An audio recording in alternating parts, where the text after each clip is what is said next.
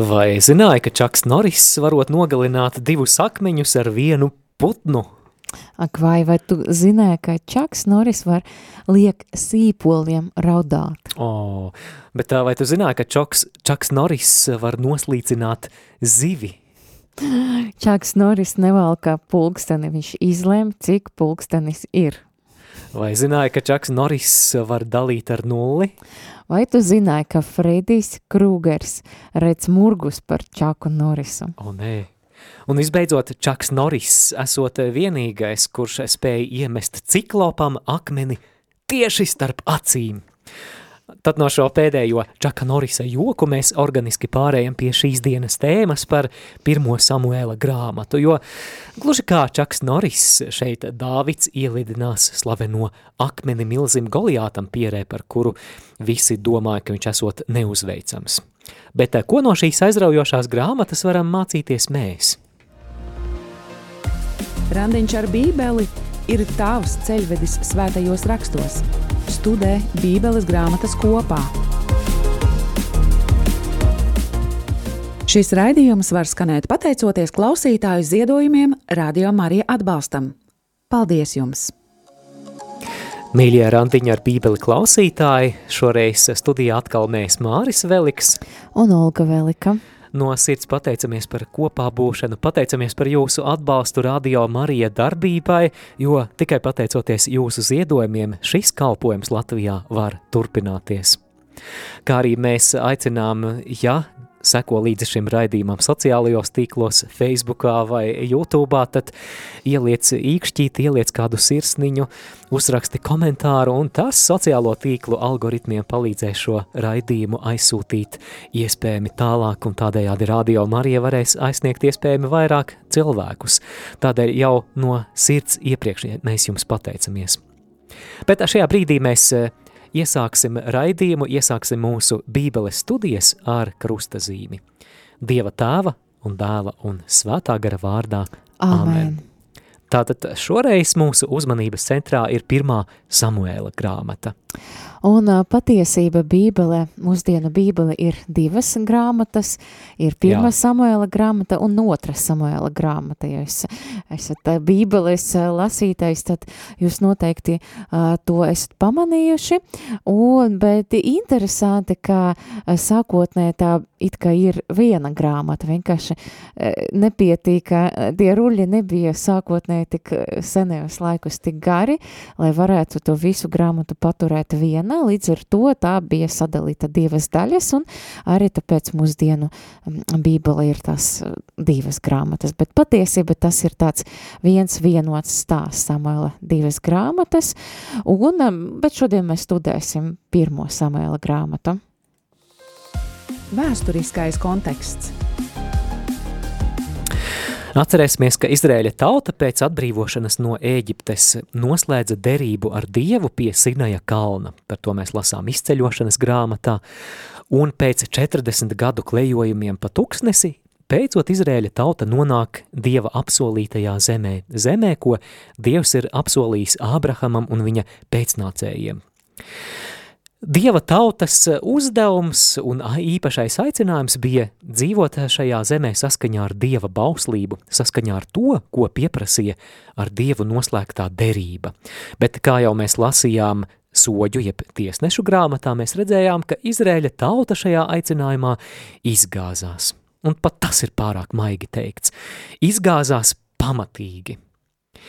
Tas bija morālā pagrimuma laiks, un bija skaidrs, ka Izrēļa tauta bez gudra un uzticīga vadītāja vai valdnieka nespēs tikt uz priekšu. Pirmā Samuēla grāmata sniedz atbildi uz šo vajadzību, jo šeit Izrēļa tauta pirmo reizi vēsturē tiks pie ķēniņa. Tātad no cilšu grupas, pār kuru valdīja soģi jeb tiesneši, Izrēļa tauta šajā grāmatā taps par vienotu karalisti.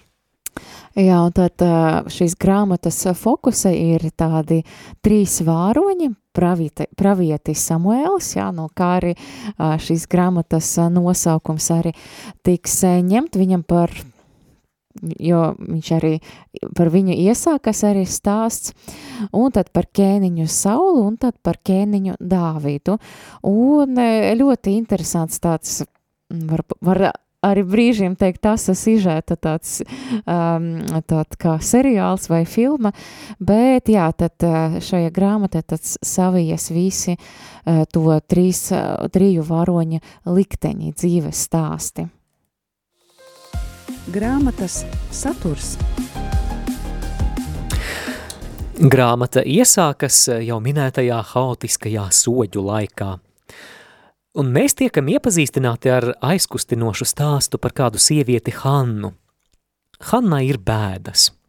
Viņa ir neauglīga un nespēja kļūt par māmiņu, un, protams, ka tajā laikā neauglība tika uzskatīta par teju vai lāstu. Bet caur Dieva atbildi uz viņas dedzīgo lūkšanu beidzot, beidzot Hanna ieņem bērniņu un dzemdē dēlu, kuru nosauc par Samuēlu. Jā, kas interesanti, tad Samuēls arī tulkojuma nozīme Dievs ir uzklausījis, Dievs dzirdējis. Skaisti. Un Jā, un tad uh, liela prieka par atbildētu lūkšanu, uzklausītu lūkšanu, tad Hanna arī uh, dzied, tad Samuela, pirmā Samuela grāmata, uh, otrajā nodaļa dziesmu, un mēs uh, tālāk izlasīsim to uh, dziesmu visi kopā, un svarīgi varbūt padomāt, kad jūs dzirdēsiet šo dziesmu, ko tas jums atgādina no jaunas derības, bet jūs tagad varēsiet padomāt, jā. jā. Un Jā, bet eh, tajā dziesma var tā teikt, ka iekodēts vai tāds pravietiski pasludināts jau visas šīs grāmatas tāds motīvs. Un kāds tāds ir motīvs, ka Dievs pretojas lepnajam, bet paaugstina pazemīgos, ka Dievs turpina strādāt varbūt ar kaut kādam uh, sarežģītam lietam, tragēdijam, bet Dievs īsteno plānus un, un pašas beigas, pašas dziesmas beigas uh, būs tāds apsolījums, tāds pravietojums, ka Dievs arī dos savai, uh, savai tautai svaidītu ķēniņu. Tāpēc klausamies tad um, pirmā Samuela grāmata, otra nodaļa no pirmā līdz desmitajam pantam. Tad Anna pielūdza un sacīja, mana sirds ir līksma par to kungu, mans raks ir augstu pacelts tā kunga spēkā, mana mute ir atvērta pret maniem ienaidniekiem, jo es priecājos par tavu pestīšanu. Neviens nav svēts, kā vien tas kungs, neviens vienīgi tu, un nav citas klints, kā vien mūsu dievs. Nerunājiet pārspīlētu lepnu valodu, lai no jūsu mutes neizriet nekaunīgi vārdi. Jo tas kungs ir dievs visu zinātājs, viņš svēr darbus. Stipro loki guļ salauzti, bet nogurušie apjosti ar spēku, kas bija pāēduši, sadar par maizi, bet izsalkušie nav vairs izsalkuši, pat neauglīgā ir dzemdējusi septiņus, bet bērniem svētītā ir sakaltusi. Tas kungs nokauj, un viņš dara dzīvu. Viņš nogrūž lejā ellē un atkal uzved augšā. Tas kungs dara nabagu un dara bagātu. Viņš pazemo un viņš paaugstina. Viņš no putekļiem pieceļ nabagu un beidīgos viņš paceļ augšā no dubļiem, likdams tiem kopā sēdēt ar dišciltīgajiem ļaudams tiem iemantot godības krēslu, jo zemes pamati pieder tam kungam, uz tiem viņš arī ir cēlis pasauli.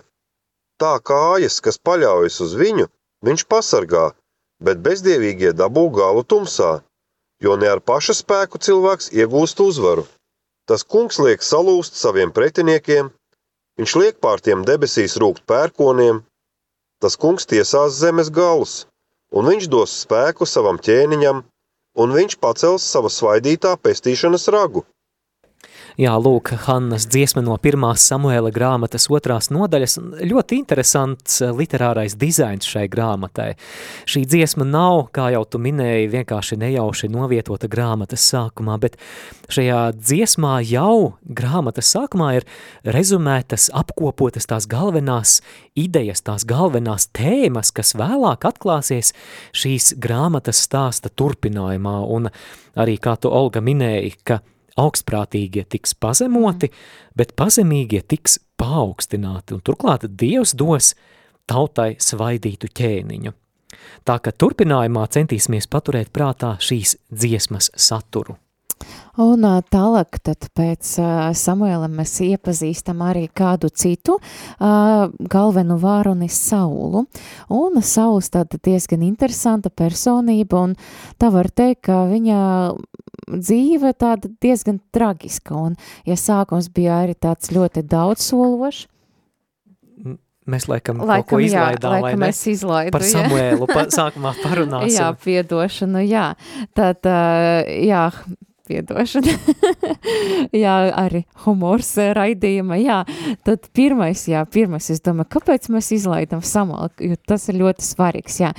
Um, Hannas dēls uzauga, uzauga viņš patiesībā svētnīca, un viņš kļūs arī par lielu prāvieti un tautas līderi. Mēs daudz varbūt esam dzirdējuši, ka viņu, kad viņš vēl bija jauneklis, tad viņu sauca Dievs, un tad viņš teica, jā, kungs, šeit es esmu, es tevi klausos, jā. Jā, runā kungs, tavs runā, kalps kungs, klausās. Runā kungs, tavs kalps klausās, jā, bet tajā paša laika um, aug kāds uh, pretspēks, jā, tad pieņema spēkas, spēkā arī filistiešu uh, tauta, un viņa kļūst par tādu uh, tautas galveno pretinieku, patiesība, kas daudz viņus vajā, un diezgan sarežģīta dzīve tad bija tautēm.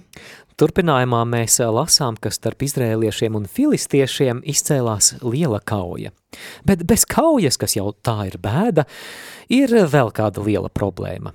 Izrēlieši ir kļuvuši augstprātīgi. Tai vietā, lai pazemīgi lūgtu Dievu pēc palīdzības, viņi iziet kaujā, un viņi, ko viņi domā? Viņi domā tā, ā, mums taču ir derības šķirsts paņemsim to derības šķirstu līdzi, un tas mums būs te vai kā tāds maģiskais talismans. Mums ir derības šķirsts, nu, filistieši mums neko nespēs padarīt. Un uh, lasām 1. Samuēla grāmatu 4.3. Ņemsim no šīlo pie sevis tā kunga derības šķirstu, lai tas iet mūsu vidū mums līdzi, un lai izglābi mūs no mūsu ienaidnieku rokas. Tad no šīs augstprātīgās attieksmes dēļ Dievs pieļauj, ka izrēlieši zaudē karā. Turklāt filistieši derības šķirstu šo lielo svēto dārgumu atņem viņiem un novieto sava dieva Dagona templī. Protams, Dievs eh, arī šajā gadījumā satriec arī pašu filistiešu lepnību. Proti, Filistieši ir ielikuši derības šķirstu viņu dievekļa Dagona namā, un kas notiek, tad, kad viņi nākamajā rītā atver tempļa durvis, Dagon. Dagona statuja ir gar zemi. Labi, Tas viņi... arī kaut kāds, var teikt, humors. Bībelē. Jā, un, un arī tā simboliski, ka mm. tā kā ar muti pret zemi te jau vai kā pielūksme patiesā kunga, Izrēļa mm. dieva priekšā, labi, viņi kaut kā atstutē atkal to nabaga Dagonu, kaut kā nostiprina, Nākamajā dienā Dagons vispār ir sabiris pa gabaliņiem, galva nosta, rokas nosta, tikai rumpis ir palicis. Tā ka Dievs īpašā veidā it kā spriež tiesu pār šo Dagonu, bet arī filistiešiem neiet vieglāk. Filistieši piedzīvo epidēmiju, viņiem piemetas augoņi. Protams, šajā situācijā filistieši vairs nevēlas, lai derības šķirsts paliek pie viņiem. Tad viņi sacīja – lai Izrēla dieva šķirst pie mums nepaliek, jo viņa roka ir smagi piemeklējusi mūs un mūsu dievu Dagonu. Tad no filistieši sūta derības šķirstu atpakaļ pie izrēliešiem. Jā, un ja mēs palukojamies uz šo stāstu, un mēs varam redzēt, jā, ka Dievs nav kaut kāds tāds burvju talismāns, tas nav tāds, ka uh, nu, viņš, kā arī Jēzus, arī jaunā derība, ka viņš meklē tos pielūdzējas garu un patiesība. Jā, Dievs nav kaut kāda brīnumaina, tāda, tas kociņš brīnumains vai talismāns, un jā, Dievs arī pretojas arī um, Izraēļa tautas lepnībai un un arī filistiešiem, un tad tauta jāpaliek pazemīga un paklausība, ja viņi grib, un lai tā dzīvo pēc uh, pēc dieva likumiem, un tad kalpo viņam nevis tā, ka dzīvo, ka pareiz tautas tikai ar tādu pašu domāšanu, ka, nu jā, mums ir tās dievs, bet mēs ne ar ko neatšķiramies no citam tautam. Ko šis stāsts varētu mācīt mums 21. gadsimta kristiešiem? manuprāt, tas varētu būt kā brīdinājums pret garīgo lepnību, varbūt arī tāda pēdiņās kristīgā lepnība. Tuvojas eh, kristiešu vienotības nedēļa, un, piemēram, mēs varam izmeklēt savu sirdsapziņu vai mūsu lepnība kaut kur neizpaužās, piemēram, attieksmē pret citām konfesijām.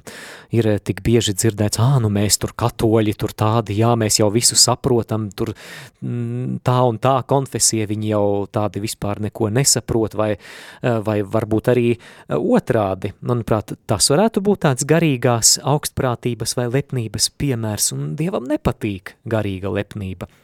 Vai cits piemērs, līdzīgi kā Izrēļa tauta sāka uzskatīt derības šķirstu par talismanu, kurš palīdzēs visā, atrisinās visu, dāvās militāru uzvaru – Arī kādiem kristiešiem varētu būt kārdinājums izjust viltus drošību, ka, piemēram, no mana vecvecmāmiņa un mana vecmāmiņa bija ļoti ticīgas sievietes, viņas gāja uz baznīcu un lūdzās, un, un mēs varam domāt, ka tad mēs jau esam drošībā, ja tur manā dzimtā bija, tad, tad es varu mierīgi arī saukties par kristieti, par katoli vai mm, kādas citas konfesijas pārstāvji, pārstāvi, bet uh, Bet uh, kur ir mūsu pašu personiskās attiecības ar Dievu? Nu jā, mēs varam redzēt, ka tomēr mūs glāb, mūs sarga nevis kaut kāda uh, lūkšanas forma, nevis kaut kāda dievbības forma, nevis tas, ka es eju uz, uz baznīcu vai kaut kā,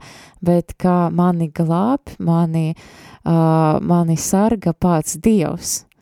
Un arī jautājums, vai esmu viņam paklausīgs, vai es mīlu viņu no visas sirds, jā, tad varbūt var teikt, kā sarga un sarga nevis forma, un, bet, nu, tas tavas attiecības ar Dievu, ka tu apzinies, ka, nu, protams, pats Dievs.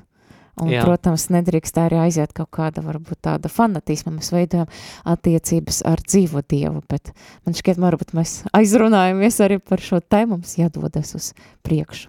Jā, es tikai vēl piebildīšu, ka jau minētajā un nolasītajā Hannas dziesmā, kā jau minējām, ieskanās šī tēma par to, ka Dievs pazemina augstprātīgos, bet paaugstina pazemīgos, un es gribētu izmantot šo brīdi un eh, jau sākt iesaistīt ēterā jūs klausītājus, jo raidījuma beigās mēs vēlamies apkopot jūsu atbildes uz jautājumu, kas jūsuprāt mums palīdz būt pazemīgiem. Mm kas mums palīdz būt pazemīgiem.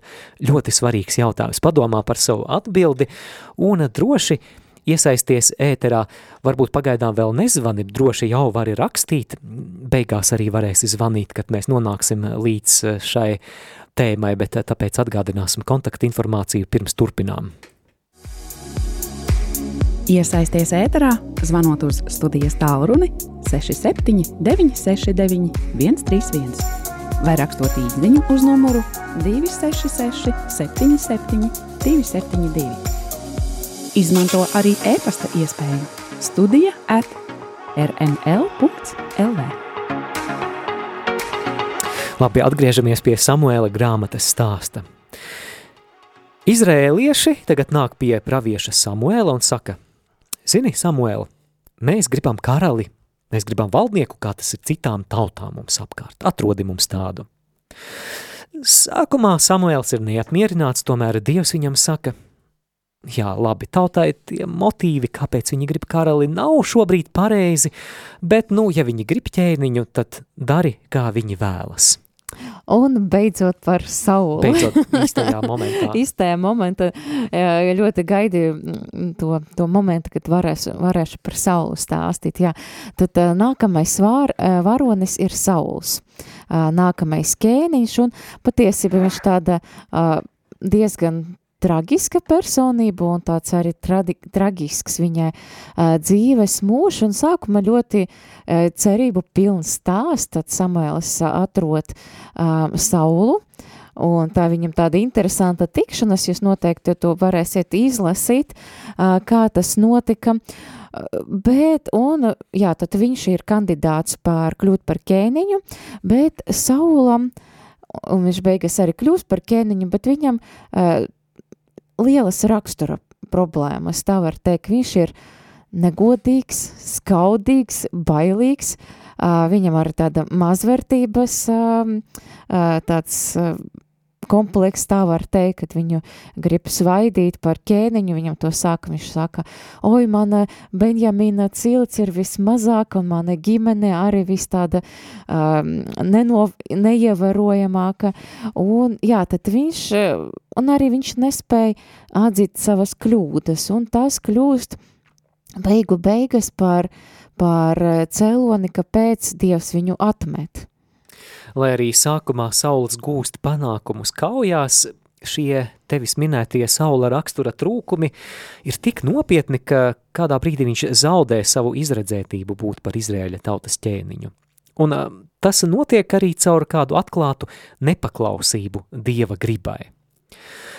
Bija kāds brīdis, kad bija jāpienes Dievam upuri un bija jāsagaida pravietis Samuēls, kurš kā priesteris varētu pienest šos upurus – Sauls gaida, gaida, gaida, Samuēls kā nenāk, tā nenāk. Tajā brīdī Tāds nevarēja viņam jā. uzrakstīt īziņu vai WhatsApp ziņu un pajautāt, kur tu esi. Gaida, gaida, labi. Nevarot sagaidīt pravieti Samuēlu, Sauls pats neatļauti pienesa dievam dedzināmo upuri. Viņš izdarīja to, ko viņam nebija tiesību darīt. Tas ir tikai viens no Saula pārkāpumiem, un Samuēls, kad atnāk, viņš nostājas pret Saulu, un mēs par to lasām 13. nodaļā no 13. panta. Tad Samuēls atbildēja Saulam, tu esi aplam darījis, tu neesi izpildījis tā kunga savu dieva bausli, ko viņš tev bija pavēlējis. Pat labam tas kungs būtu tavu ķēniņa varu pār Izraēlu apstiprinājis uz mūžīgiem laikiem, bet nu tava ķēniņa valsts nepastāvēs. Tas kungs jau ir izmeklējis sev vīru, kas ir pēc viņa sirdsprāta, un tas kungs tam ir nolicis būt savai tautai par valdnieku, jo tu neesi izpildījis, ko tas kungs tev bija pavēlējis. Pievērs uzmanību, ka Sauls ne tikai tiek atmests kā Izrēļa tautas ķēniņš, bet pravietis Samuēls arī pasludina, ka Dievs dos tautai citu ķēniņu, jaunu ķēniņu Saula vietā. Jā, un kopš tā laikā mēs varam redzēt, ka Dievs aizkādra jau gatavo šo jaunu ķēniņu, kā viņš arī šeit pasludinājis caur Samuela lūpam pēc savas sirds, pēc savas sirds prāta. Un tas ir kāds gāniņš vārda Dāvīds. Un, un Dāvids ir tās kandidāts, kas ir varbūt tā neizskatās ļoti par, par ķēniņu, un bet eh, mēs pēc tā vēlāk lasam par uh, to slavenu stāstu par Dāvidu, kā viņš uzvar par Goliātu, tad 16. Kā Čaks Noris. Kā jā. Čaks Noris, jā, tad ie, iemet akmeni, un, un tas parāda, ka Dāvids varbūt pēc izskata vēl puika un eh, jaunākais no brā, brāļiem un eh, ganiņš, bet e, tomēr Dieva izvēle balsties nevis uz viņa izskata, nevis uz viņa kaut kāda diženuma ģimenes pozīcija, bet uz tā ir kāda ir viņa sirds, jo viņš bija pēc Dieva sirds, tad pazemīga, pazemīgu un radikāli uzticējis Dievam.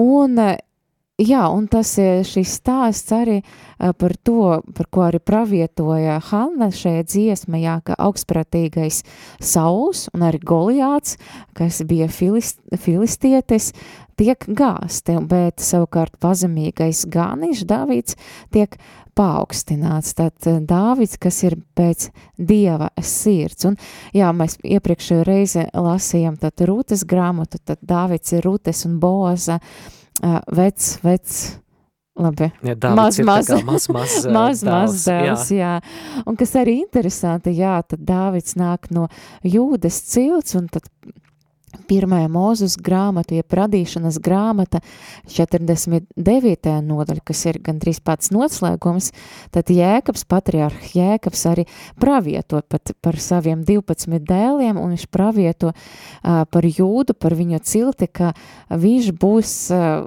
tā cilts būs valdoša, jā, ka, ka viņa būs valdītāja, un tad notiek arī šī pravietojuma īstenošanas. Jā, tad Dāvids no jūdas cilts arī tiek svaidīts par, par ķēniņu, par nākamo ķēniņu, kas arī būs lepna Saula vieta.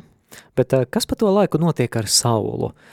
Sauls pamazām piedzīvo personības lejupslīdi. Viņš sāk Pavisam, jukt prātā, jā. jā. Ik pa laikam viņš piedzīvo nevaldāmas agresijas lēkmes, viņš kļūst ļoti aizdomīgs, un viņam šķiet, ka viņa tronis tiek apdraudēts, nu, kas kaut kādā ziņā ir arī patiesība.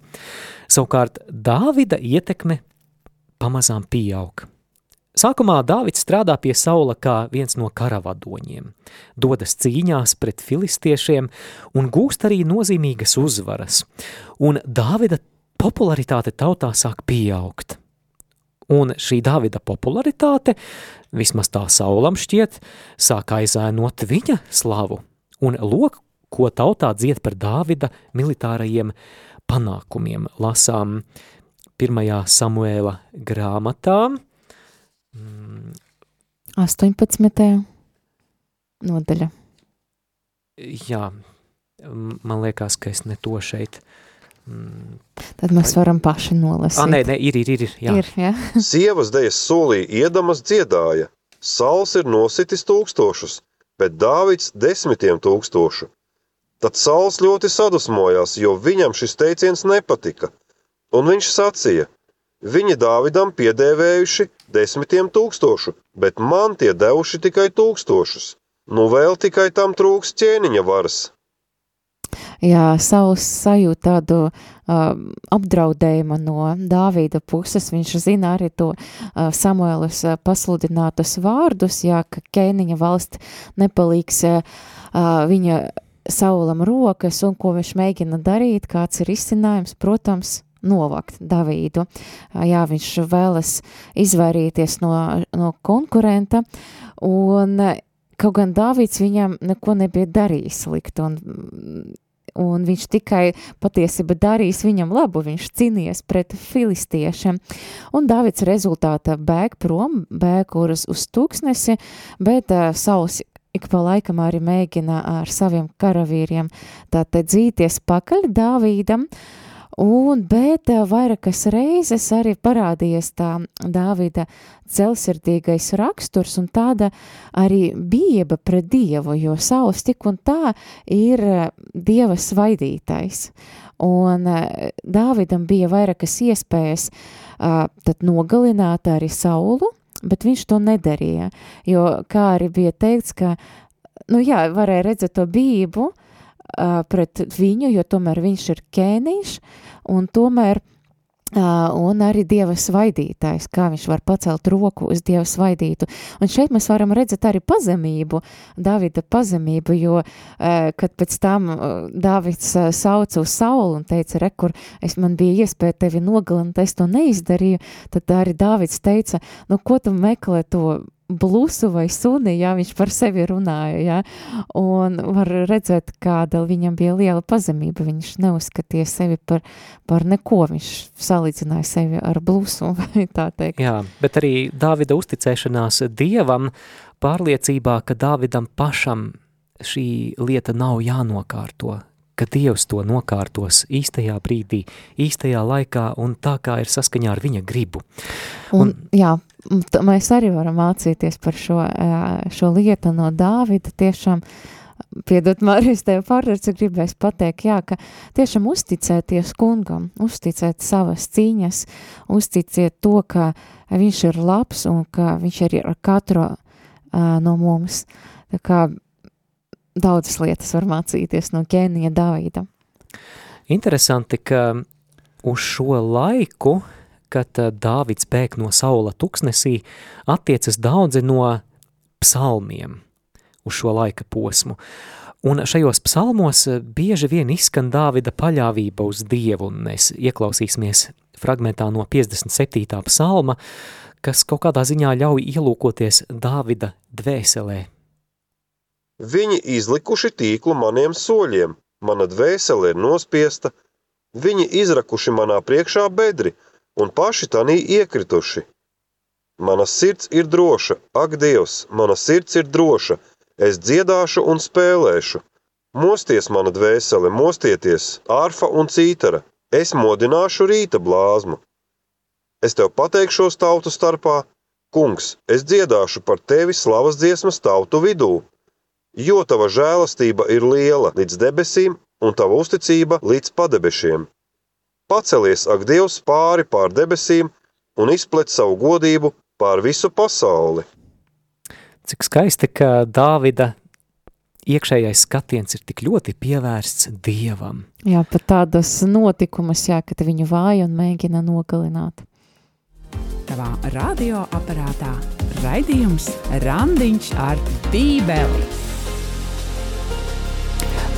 Tā nu mēs nonākam līdz pirmā Samuela grāmatas noslēgumam, un uh, noslēgums ir traģisks ķēniņam Saulam. Viņš iet bojā kaujā pret filistiešiem. Bet šis stāsts vēl nebeidzas. Stāsts turpināsies jau otrajā Samuela grāmatā, kuru, ja Dievs dos, mēs aplūkosim jau nākamajā raidījumā. Jā, Samuela grāmata ir tāds viens no aizraujošākiem vecas derības eh, stāstiem, tur daudzi notikumi, ir tāda cīņa, ir arī eh, skaistas vietas par uzticēšanos Dievam, bet eh, arī šeit mēs redzam tādu Saula uh, un Dāvida uh, psiholoģiskus portretus, kādi viņi ir, un mēs, kā jau teicu, jā, par, par Dāvidu arī no Saula mēs daudz ko varam mācīties tādu kā brīdinājumu, jā, tad uh, tomēr neatstāt arī novārtā rakstura mūsu kaut kādas vājības, tumšas puses, kas trauca mums pašiem un arī uh, trauca citiem apkārt, jo patiesība Davidam bija dots viss, viņš bija kēniņš, jā, viņam bija tas aicinājums. Saulam bija. O, jā, jā. Piedošana, piedošana, jā, viņam bija viss Dieva aicinājums, bet, nu, kaut kāda muļķības dēļ, jā, tas, ka viņš nebija tāds, viņam pietruka tas integritātes, viņš nevarēja uh, tajā pastāvēt, un līdz ar to tas mums māca to, ka mums jāstrādā arī pie mūsu uh, tam, nu, sliktajām pusēm, mūsu rakstura sliktajām pusēm, kas var mums tomēr kaitēt. Savukārt Dāvids ir pacietības, uzticības dievam un pazemības piemērs. Uh, Un mēs vēlreiz vēlamies atgādināt jautājumu klausītājiem, droši iesaistieties ēterā, uzrakstiet savu atbildi, kas jūsuprāt ir pazemības recepte. Varbūt ir kādas vairākas lietas, mhm. kuras jums pašiem palīdz uzturēt pazemības stāju gan Dieva priekšā, gan cilvēku priekšā. Kas var palīdzēt mums būt pazemīgiem? Līdz šim jautājumam mēs nonāksim raidījuma pašās beigās un cerams arī, ka varēsim apkopot jūsu atbildes. Tādēļ atgādinām, ka varat rakstīt īziņas vai WhatsApp ziņas uz numuru 266 77 272 un pēc kāda brīža arī varēsiet zvanīt uz numuru 67 969 131. Apslēptais Kristus. Un tad eh, runājot par apslēpto Kristu, tad pirmā Samuela grāmata, tas noteikti ir Dāvids, jā, Dāvids ir viens no spilgtākajiem uh, priekštēliem vecajā derība, ja? un mēs zinām arī, ka Mesijam Kristum bija jāpiedzimst no Davīda pēcnacēm, tas bija arī pravietojums, un tad vairāk mēs redzēsim arī tad otrajā Samuela grāmata par to, un tad tur būs tā rakstu vietu septītajā nodaļa, kur cer pravieti Nātanu Dievs apsolu Dāvidam celt kādu uh, viņa pēcnācēja troni, turklāt viņa valstībai nebūs gala. Un arī uh, mēs lasījām arī to jēkabu pravietojumu par saviem dēliem, un to pašu, nu, kā scepteris nezūdīs no viņa rokam, arī uh, jēkabs pravieto, un tas pravietojums ir gan par Dāvidu, kas nāk no jūdas cilts, gan arī par Jēzu Kristu, par Mesiju, kas arī nāk no tas, no Dāvida, Dāvida, Dāvida pēcnācējs. Un kurš tad ir šis Dāvida svaidītais pēcnācējs, kura valstībai nebūs gala, kura scepteris netiks atņemts? Jaunā derība šajā jautājumā ir skaidra. Jēzus Kristus ir šis apsolītais mesija – Atcerēsimies Mateja evaņģēlijas studijas, kur mums bieži nācās sastapties ar Jēzus apzīmējumu Jēzus kā Dāvida dēls.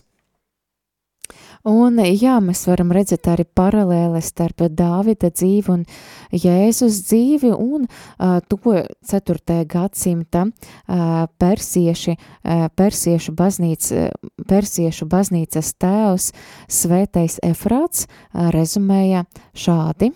Jā, manā brīvā tulkojumā varbūt nav tas veiksmīgākais tulkojums, bet lūk fragments. Gluži kā Jēzus, arī Dāvids tika vajāts. Dāvidu par ķēniņu svaidīja nevis Sauls, kurš bija grēkojis, bet gan Samuēls. Savukārt Jēzu par augsto priesteri svaidīja Jānis Kristītājs, nevis priesteri likuma kalpi. Dāvids tika vajāts pēc savas svaidīšanas. Arī Jēzus tika vajāts pēc savas svaidīšanas. Dāvids vispirms valdīja pār vienu cilti, un tikai pēc tam pār visu Izrēli. Jēzus no sākuma valdīja pār dažiem, kas viņam ticēja, lai beigu beigās valdītu pār visu pasauli. Samuēls svaidīja Dāvidu, kad tam bija 30 gadu, un Jēzum bija aptuveni 30 gadu, kad viņš saņēma roku uzlikšanu no Jāņa. Tālūk baznīcas tēvs no Sīrijas 4. gadsimtā svētais Afrats. Jā, interesanti, ja mēs paskatāmies arī, mēs redzējām, ka Dāvids cīnies pret Goliātu, bet Jēzus savukārt arī izcīnīja šo cīņu ar, ko, ar ļaunu garu.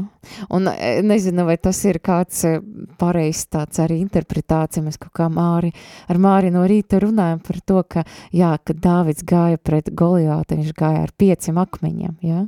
Jā, bet man prāta nāca, kas var būt pieci, Jēzum ir tas, nu, kad viņa sita pie krusta, viņam bija tas piecas svētas brūces, jā, tad arī uh, interesanti arī caur savu krustu, caur tām piecām svētajām brūcēm arī Jēzus uzvarēja arī ienaidnieku. Nu, tā, tā ir mana brīva interpretācija, nāca prāta tas, bet vēl kāda interesanta paralēle runāt par apslēptu Kristu, un tas nebūs tieši par Kristu.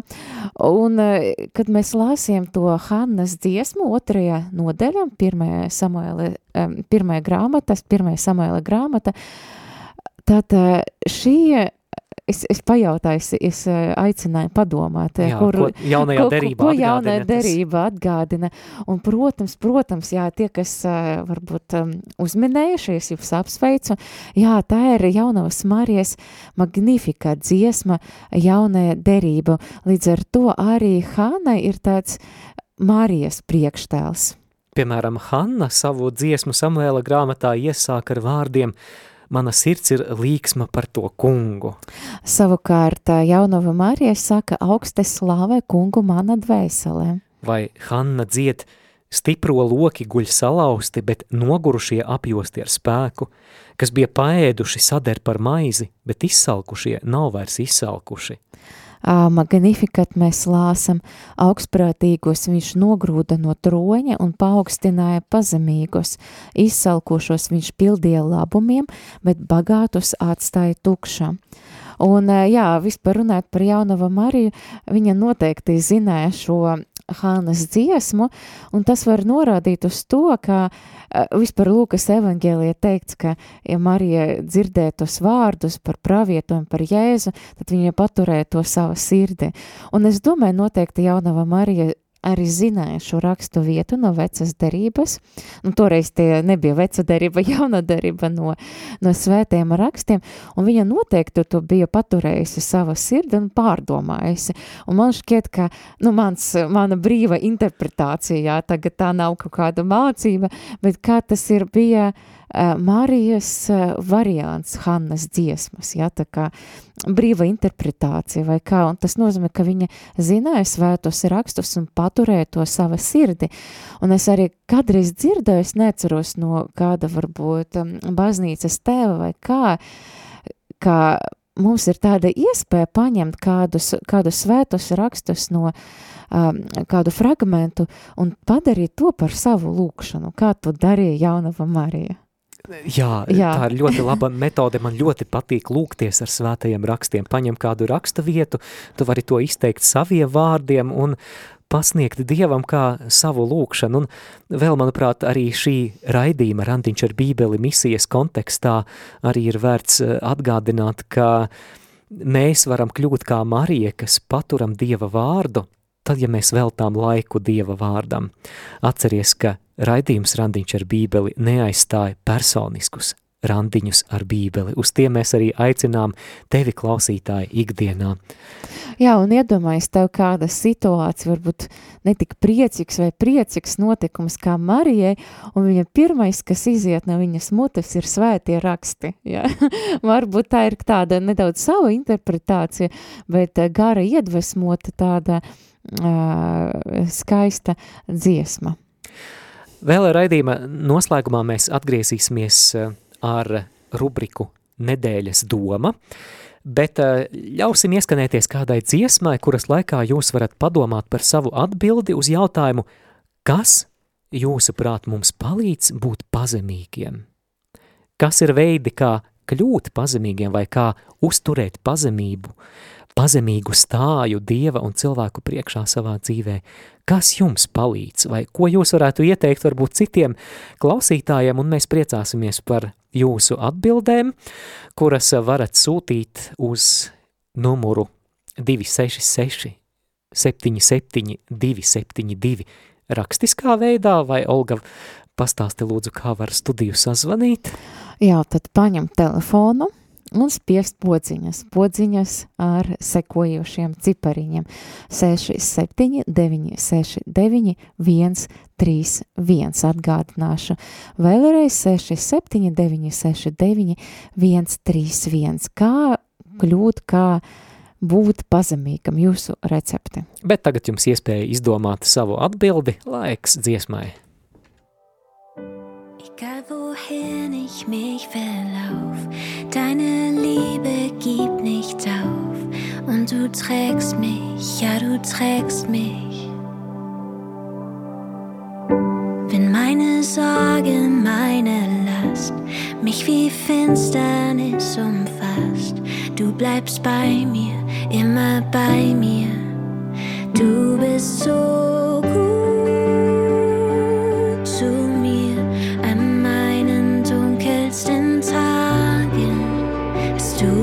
getragen in meinem tiefsten Tal? Bist du in deiner Liebe bei mir geblieben? Wohin könnte ich vor dir fliehen? Deine Liebe wird mich ziehen. Du umgibst mich, du umgibst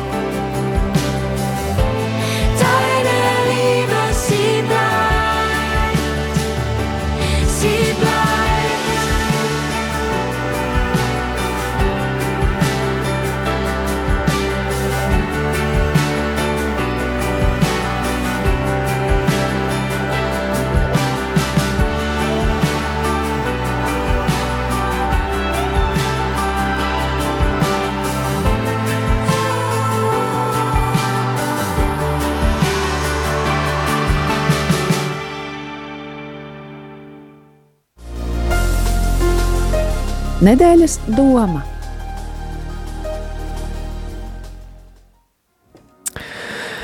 Laiks nedēļas domai raidījuma noslēgumā bija dziesma, un tās laikā cerams, ka jūs arī nonācāt līdz kādām savām atbildēm, kas jums palīdz iet pazemības ceļu.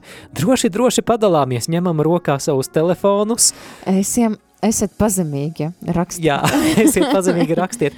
Jā, droši varat arī Facebookā zem video komentāros ierakstīt. Es centīšos atvērt un eh, sekot līdzi, kas tur tiek ierakstīts. Tātad, kāda jūsuprāt ir pazemības recepte? Vai kas ir solis vai soļi, kas mums var kļūt, eh, var palīdzēt kļūt vai būt pazemīgākiem.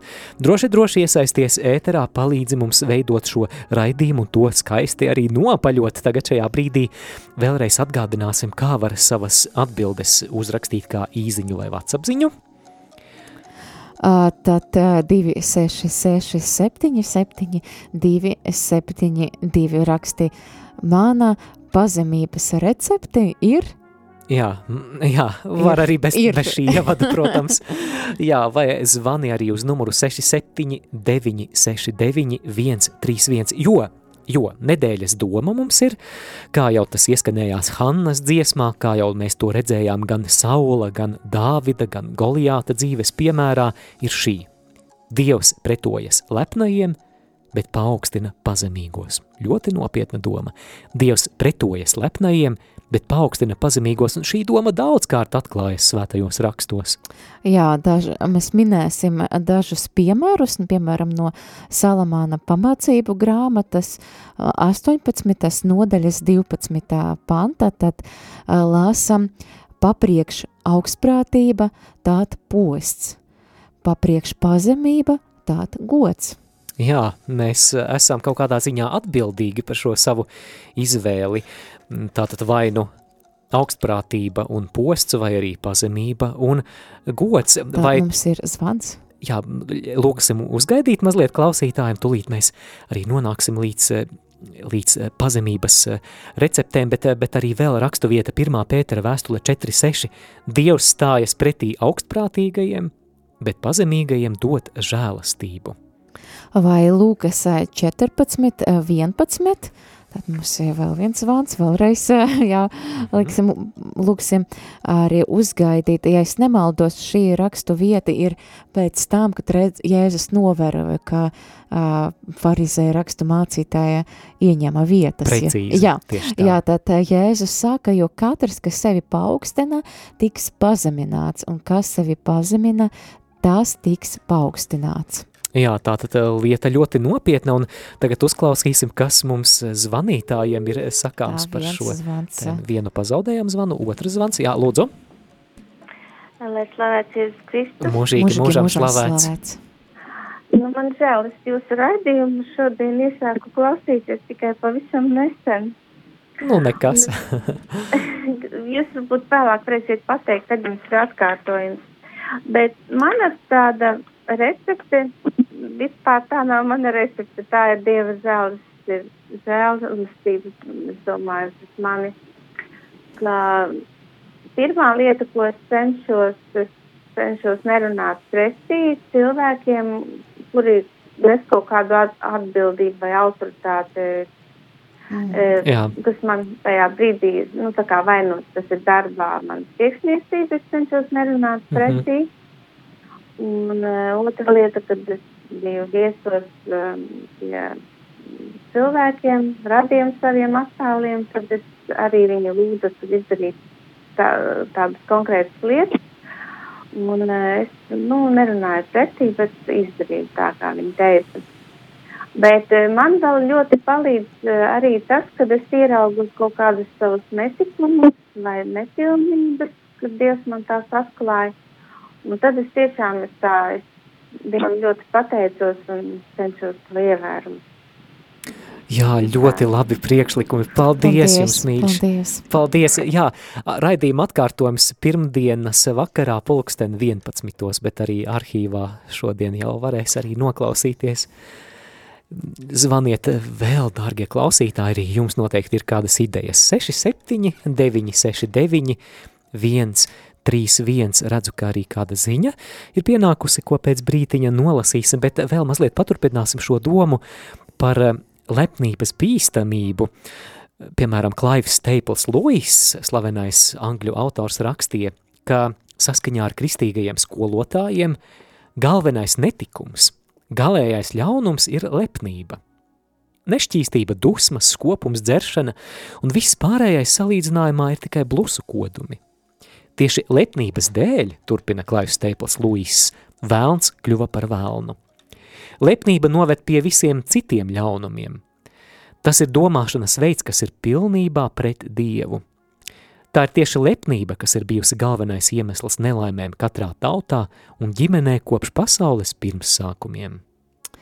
Jā, un palūkosimies, kādas tas lepnības pazīmēs mēs redzam Saula, vai varbūt mēs ņemot viņa piemēru, arī varam paskatīties paši arī spoguli un arī izmeklēt savu sirdsapziņu, vai tur ir kāda nezāle, ko vajag izraut pēc, iespējām, pēc iespējas ātrāk. Tad nu palūkosimies, kas Saula piemērā pirmajā Samuēla grāmatā mums liecina par Saula lepnību un augstprātību. Pirmā lieta – nespēja atzīt savas kļūdas. O, jā. Nespēja atzīt savas kļūdas. Kad Samuēls vēršas pret Saulu, lai norādītu viņam uz viņa grēku, Sauls nesaka, piedod, piedod, es atkal visu salaidu dēlī, un lai Dievs man ir žēlīgs. Nē, Sauls taisnojas. Sauls mēģina pateikt Samuēlam pamatīgu pamatojumu, kāpēc viņš tā ir rīkojies – patiesībā, lai atzītu savas kļūdas, tur ir vajadzība, paz, vajadzīga pazemība, bet arī varbūt tas ir lielisks veids, kā mēs varam sevi laust un kļūt pazemīgākiem. Atgādina arī uh, pirmo cilvēku krišanu grēkā, arī Ādams un Ieva taisnojas. Jā. Tā sieva, ko tu man devi, tā čūska mani pievila, jo jā, tad viņa nespēja paša sākuma varbūt apzinājās to savu kļūdu, pat nespēja arī atzīties tājam. Uh, arī, kas arī ir diezgan tāds, ko mēs varam redzēt arī saule, ir arī savas personības izcelšana, jā. Tad saules mēs lasam arī uzceļ pats sev pieminekli. Tad wow. mēs to lasām, tad 1. Samuela uh, grāmata, uh, 15. nodaļa, 12. panta. Jā, mēs varam palūkoties, vai mums nav tā kāre pēc tās uh, pēc tā, lai izceltu pats sevi, lai mūs citi kaut kā arī izceļ, mūs slavina, vai, vai kā tas ir, varbūt soc tīklos, mēs gaidām komentārus. Ieliksim soc tīklos, jā. Un mūsu, un mūsu, mūsu vērtība būs no tā, cik mums ir daudz ielaikoja vai iekomentēja, cik mēs esam labi un tā tālāk. Un ja maz ielaikos, tad mēs raudāsim, būsim izmisuši, jā, tāpēc, jā. dargie klausītāji, ielaikojiet Nē, nu, lūdzu šo raidījumu. Labi, te mazliet tāds sarkasmas, bet mācīsimies, jā, vai, vai to cilvēku viedoklis, kas nāk par tevi, vai ko viņi saka, vai, vai tas veido tevi, vai tas tev ļoti, ļoti svarīgi. Un tas arī kaut kā var mums būt tāds zvaniņš vai sarkanais karodziņš, ka varbūt mums jāpiestrādā Jā. pie, pie lepnības, pie pazemības tieši otrādi, ka mums jāiet, maz, jāiet mazuma, bet mūs, mūsu Dievam, Jēzum Kristum jāiek, jāaug lieluma, kā Jānis Kristītājs Jā. teica par sevi. Tātad pirmā lepnības pazīme Saula dzīvē nespēja atzū, atzīt savas kļūdas, otrā Otras savas, pazīme. Savas personības izcelšana. Trešā pazīme – greizsirdība par citu panākumiem. Sauls ir greizsirdīgs par citu panākumiem, un, protams, viņš ir īpaši greizsirdīgs pret to, kurš popularitātes ziņā sāk aizēnot viņu pašu, un tas ir Kāds neviens cits, cits influenceris. Kā, jā, influenceris Dāvids, kura popularitāte pieaug. Manuprāt, spēja priecāties par cita panākumiem tā tieši pretēji ir pazemības pazīme, un mēs redzam, ka Saula gadījumā – tā trūkst, un arī mēs varam izvērtēt sirdsapziņu, kādas emocijas mūsos izraisa citu panākumi. Un ja mēs nespējam par tiem priecāties, tad varbūt mums ir vajadzīga kāda piedošana vai iekšējā dziedināšana. Jā, un ceturtais, ceturtā pazīme ir bailes no cilvēku viedokļiem. Kad mēs redzam šo jau tevis pieminētu Māri stāstu par Samuēlu un ka par, par Saulu, jā, un kad viņš taisnoja Samuēla priekšā, kāpēc viņš pienesa to neatļautu upuri, tad, jā, tad Sauls viņš sāka taisnoties, bet viņš taisnojas tā, ka viņam, viņš bija noraizējis ko tad citi par viņu padomas, vai viņi nepaliks dusmīgi, vai viņi varbūt, uh, nezinu, apšaubīs uh, Saula uh, to ķēniņa statusu, un viņam bija bailes par savu reputāciju, un tas arī norada, norāda uz to lepnību, mums bail par savu statusu, mums bail par savu es, jo mūsu es, mūsu status ir pats galvenais, un mēs to mēģinam arī pasargāt. Un kas interesanti, jā, ka bailes no cilvēkiem uh, Saulam bija lielākas nekā bailes no Dieva.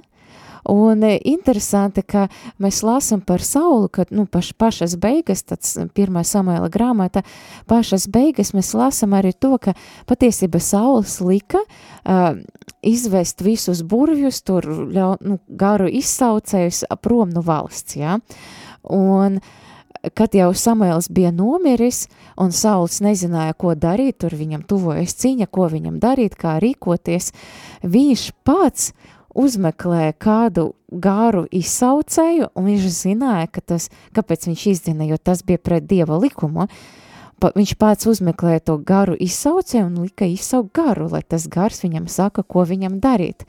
Un līdz ar to viņš bija tāda situācija, ka viņš jau nebaidījās no Dieva, jā, tad cilvēku viedoklis, bailes no cilvēku viedokļiem, viņam uh, aizenoja patiesība bību no paša Dieva. Jā, tātad šīs nedēļas doma raidījumā ir Dievs pretojas lepnajiem, bet paaugstina pazemīgos, un šajā brīdī apkoposim, ko tad klausītāji mums ir iesūtījuši par šo tēmu. Baiba Facebookā raksta, piedalīties labdarības darbos, tā ir pazemība. Otrs ir kalpot Dievam. Mm. Kalpot Dievam ir pazemība. Te mums sveicieni arī no Kuldīgas, sveicieni no Daugaupils, sveiciens eh, sirsnīgs, eh, sveiciens Bozovai arī. Tā, ko mums vēl raksta? Mana pazemības recepte kāds raksta, skatoties uz Dieva radību, lieliem kokiem, upi, debesīm, pārdomāt par to, cik maza tā visa priekšā esmu. Paldies par šo atbildi. Tad vēl kāda ziņa Whatsappā, kuru tūlīt arī nolasīsim. Apziņa par to, ka pati esmu visai nepilnīga, palīdz man, kad izjūtu kārdinājumu krist lepnībā un kādu tiesāt. Jēzus par sevi ir teicis, es esmu lēnprātīgs un pazemīgu sirdi. Tas manī rada izjūtu, ka ir tāds īpašs stāvoklis, kurā paliekot arī cilvēks var iet pa šauru, cēlsirdības, piedošanas un tuvāk mīlestības ceļu. Iespējams, šāda attieksme arī otram palīdz viņa garīgajā ceļā.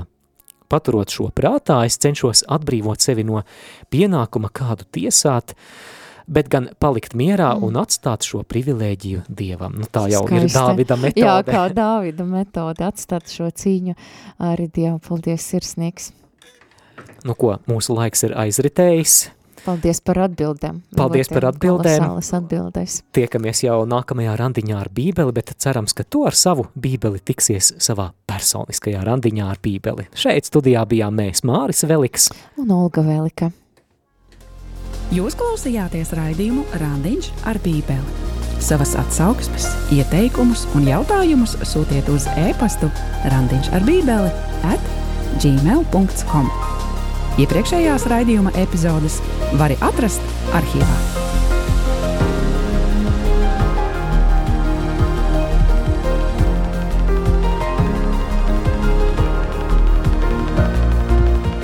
Raidījums varēja izskanēt pateicoties klausītāju ziedojumiem, Radio Mārija atbalstam. Paldies jums!